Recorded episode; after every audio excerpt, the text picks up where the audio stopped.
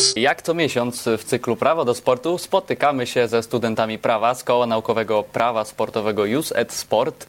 Wy na co dzień badacie przepisy sportowe, a my dziś rozmawiamy o prawnej stronie sportu. E, konkretnie o mediach sportowych podczas pandemii. Naszym gościem jest Paweł Natorski. Cześć Paweł. Hej, hej, dzień dobry, witam Ciebie i wszystkich słuchaczy. E, my Cię również witamy. E, przed pandemią media sportowe, na przykład przy podpisywaniu umowy na, e, na jakąś imprezę, na dużą imprezę zazwyczaj, nie musiały chyba się martwić o jej niedopełnienie. I właśnie, bo jako, że będziemy rozmawiać o mediach, które i te, o tej sytuacji po pandemii, w trakcie, w zasadzie w trakcie pandemii, to krótko, jak to wyglądało przed pandemią? Po prostu podpisywali umowę i realizowali tą umowę i nie było żadnych chyba wtedy niedomówień, niedopełnień, tak jak jest teraz. E, zaraz o tym powiemy.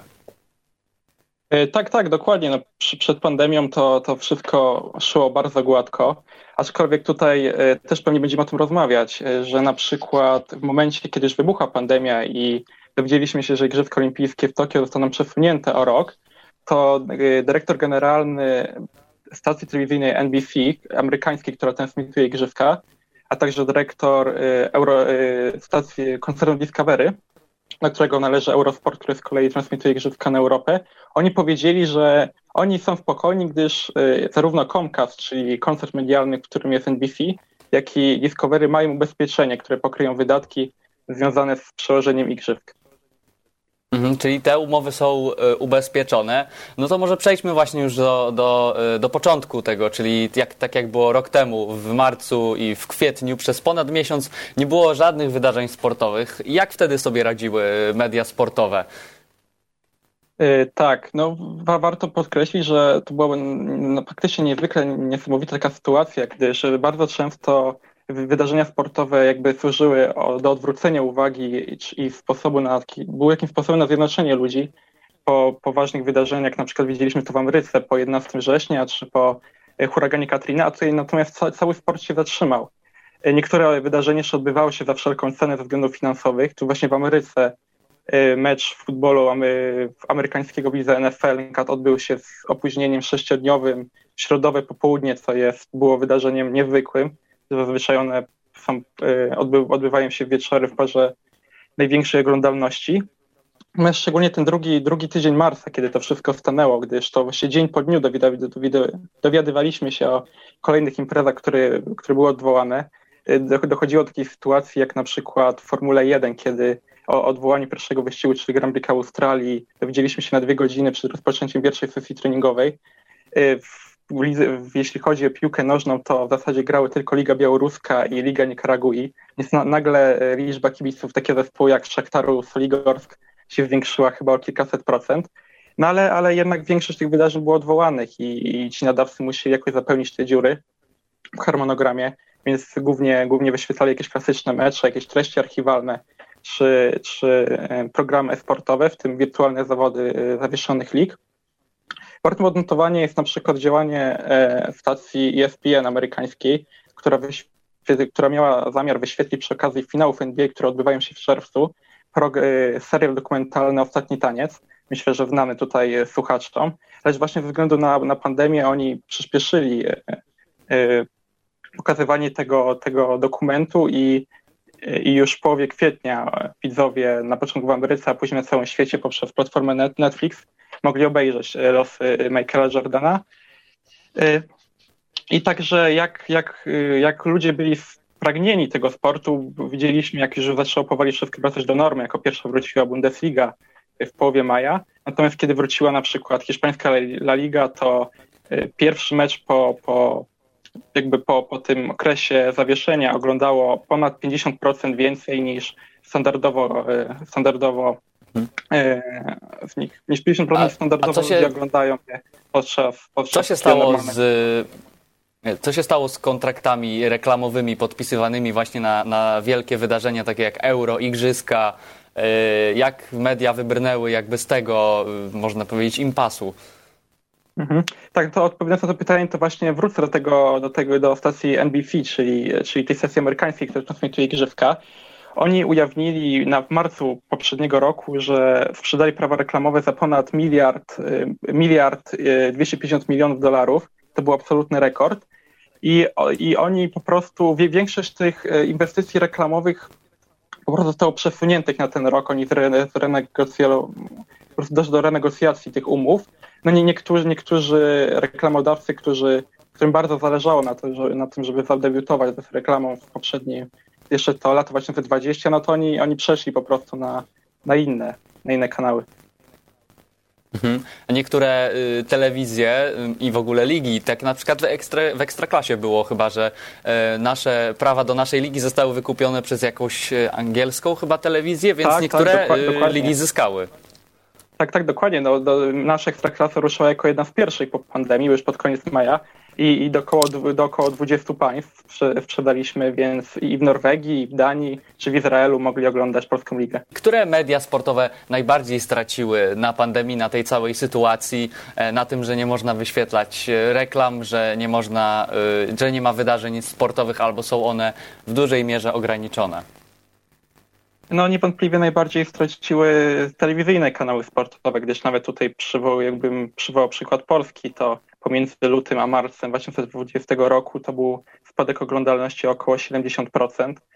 Y, właśnie na przykład też brytyjski Sky, tutaj y, też nie można zapominać o tym, że też są opłaty na przykład od klientów komercyjnych, takich jak puby. I to też zostało w znaczny sposób ograniczone lub całkowicie, całkowicie likwidowane. Mhm. E, a które media zyskały? Bo wiem na pewno, że e, rynek e-sportu się mocno rozwinął.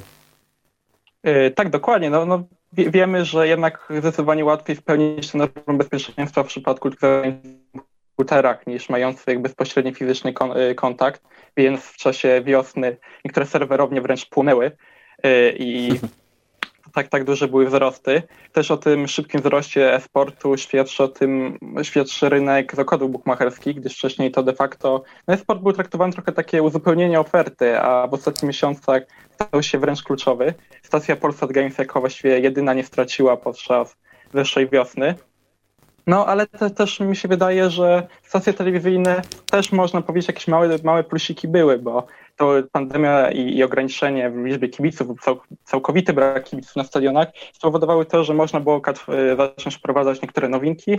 A jeśli jeszcze tak kończąc e, ten wątek, to z kolei takim polskim zwycięzcą jest chyba znany też tutaj słuchaczom kanał YouTube'owy, kanał sportowy, który właśnie de facto w marcu rozpoczął swoją taką działalność i bardzo szybko podbił, e, podbił rynki w Polsce gdyż oni też od, od razu jakby się skupili nad, e, zaczęli relacjonować, co się dzieje w tej pandemii. Stacją telewizyjną to trochę zajęło, to, to była różnica tygodnia, która była decydująca e, tutaj w przyciąganiu ludzi. Przede wszystkim też e, w stacjach telewizyjnych y, mamy taką sytuację, że widzowie raczej wchodzą tam, żeby oglądać wydarzenie, a y, na YouTubie, właśnie na takim kanale sportowym, y, wiadomo już z góry, że nie zobaczymy tam wydarzeń sportowych, tylko komentarze do tych wydarzeń albo jakieś ich omówienie. E, co sprawia, że po prostu ludzie tam chętnie wchodzili wtedy, kiedy też nie było tych wydarzeń, e, bo dużo tam się po prostu działo. E, tak, tak, dokładnie. Między innymi kanał sportowy rozpoczął ten swój, można tak powiedzieć, flagowy program Hyde Park, który na żywo oglądało kilkaset tysięcy ludzi. Czego nie było w telewizjach, właśnie telewizji, jakby nie było tego w programach telewizyjnych. Mhm. A czy po pandemii y, przechodzenie e, z telewizji na platformy streamingowe, jeżeli chodzi o pokazywanie sportu, y, to, to będzie stały trend? No właśnie, właśnie tru, trudno powiedzieć, aczkolwiek wydaje się, że sport może być takim trochę ostatnim bastionem, gdyż we właściwie w pozostałych, y, po jakby na, czy przy filmach, czy przy jakichś takich innych widzimy jakby ten trend, a tutaj natomiast są różne czynniki, które powodują, że telewizja cały czas pewnie będzie się trzymała, gdyż Y, na przykład, no nie zapominajmy, że w przypadku tego streamingu to y, dwie, powiedzmy, mamy dwie sekundy opóźnienia i już sąsiad krzyczy, że gol, a my u nas jeszcze piłka nie wpadła w pole karne. Y, I, I także jednak mi się wydaje, że ludzie są dosyć przywiązani do, do telewizji, do tych właśnie wspólnego oglądania na dużych ekranach, do komentarza, także komentatorów, którzy nie wiem, od 20-30 lat no w Polsce, sportowe. Polsce na pewno jesteśmy przywiązani do telewizji, ale patrząc na inne e, kraje, e, szczególnie na przykład e, Amerykę, to tam chyba już te media streamingowe, te platformy streamingowe w ogóle całkowicie wypierają praktycznie telewizję taką klasyczną. No trochę tak, trochę tak. No tutaj właśnie też podawałem ten przykład ESPN. Oni trochę, trochę próbują walczyć, trochę też współpracują, gdyż to był właśnie ostatni taniec, to była wspólna koprodukcja ESPN-u i Netflixa, ale, ale tak, to no prawda, że jednak na zachodzie to, to trochę odchodzi właśnie w kierunku tego streamingu. Ale mhm, w pandemii zmienił się też dostęp mediów do sportowców, bo e, te wszystkie strefy sanitarne, e, ta ochrona przed e, koronawirusem, przed zakażeniem piłkarzy czy też innych sportowców jest często bardzo, bardzo restrykcyjna. I właśnie na co pozwalają przepisy, jeżeli chodzi o dostęp mediów do, do sportowców? E, tak, to prawda. No, mamy tu świeże przykłady, na przykład zgrupowanie reprezentacji polskiej piłce nożnej. No, dziennikarze nie mają bezpośredniego dostępu do piłkarzy, a konferencje prasowe z moimi wyjątkami odbywają się w formie wideo. Także w tym tygodniu yy, dowiedzieliśmy się, że podczas Siatkorskiej Ligi Narodów yy, nie będzie możliwa bezpośrednia obecność dziennikarzy, nie licząc oficjalnego nadawcy sygnału i telewizyjnego oraz posiadaczy praw mediowych. Natomiast na, na potrzeby dziennikarzy będzie ma zostać zorganizowana wirtualna strefa wywiadów, Także na przykład, jeśli chodzi już takie kwestie typowo regulaminowe, no na przykład no w piłkarskiej ekstraklasie mamy nowy, nowy regulamin i właśnie zgodnie z nim obowiązuje podział na cztery strefy i tam dokładnie jest napisane, gdzie kto może wejść. Mhm. Jeszcze na koniec y, można też powiedzieć o tym, że spotkania bez kibiców też na pewno wpływają negatywnie y, mimo wszystko na oglądalność w mediach, bo po prostu y, taka jakby atrakcyjność tego produktu, jakim jest mecz, spotkanie y, sportowe spada. E, tak, no tutaj też mamy zwolenników i przeciwników. No, zwolennicy mówią, niektórym, się, niektórym to się podoba, mówią, że le, lepiej, e, że jakby bo na przykład niektóre, i czy w Bundesliga, czy w Ekstraklasie y, jest taki właśnie pomysł i to jest realizowane, że mecze można oglądać z nagranym dźwiękiem e, kibicujących fanów i właśnie mamy też, e, niektórzy się temu sprzeciwiają, że te podłożone dźwięki tak zabijają ducha sportu. niektórzy właśnie z kolei lubią oglądać e, te, taki trochę, można powiedzieć, powrót do normalności, kiedy słyszą tych kibiców. No właśnie. E, zdania są co do tego podzielone. Nadal oglądamy, jeżeli jesteśmy fanami, to nadal oglądamy ten sport, ale to wszystko się zmienia i się będzie zmieniało po pandemii. E, my o tym e, rozmawialiśmy z Pawłem Natorskim z Koła Naukowego Prawa Sportowego JUS et Sport z Uniwersytetu Warszawskiego. Radio Campus.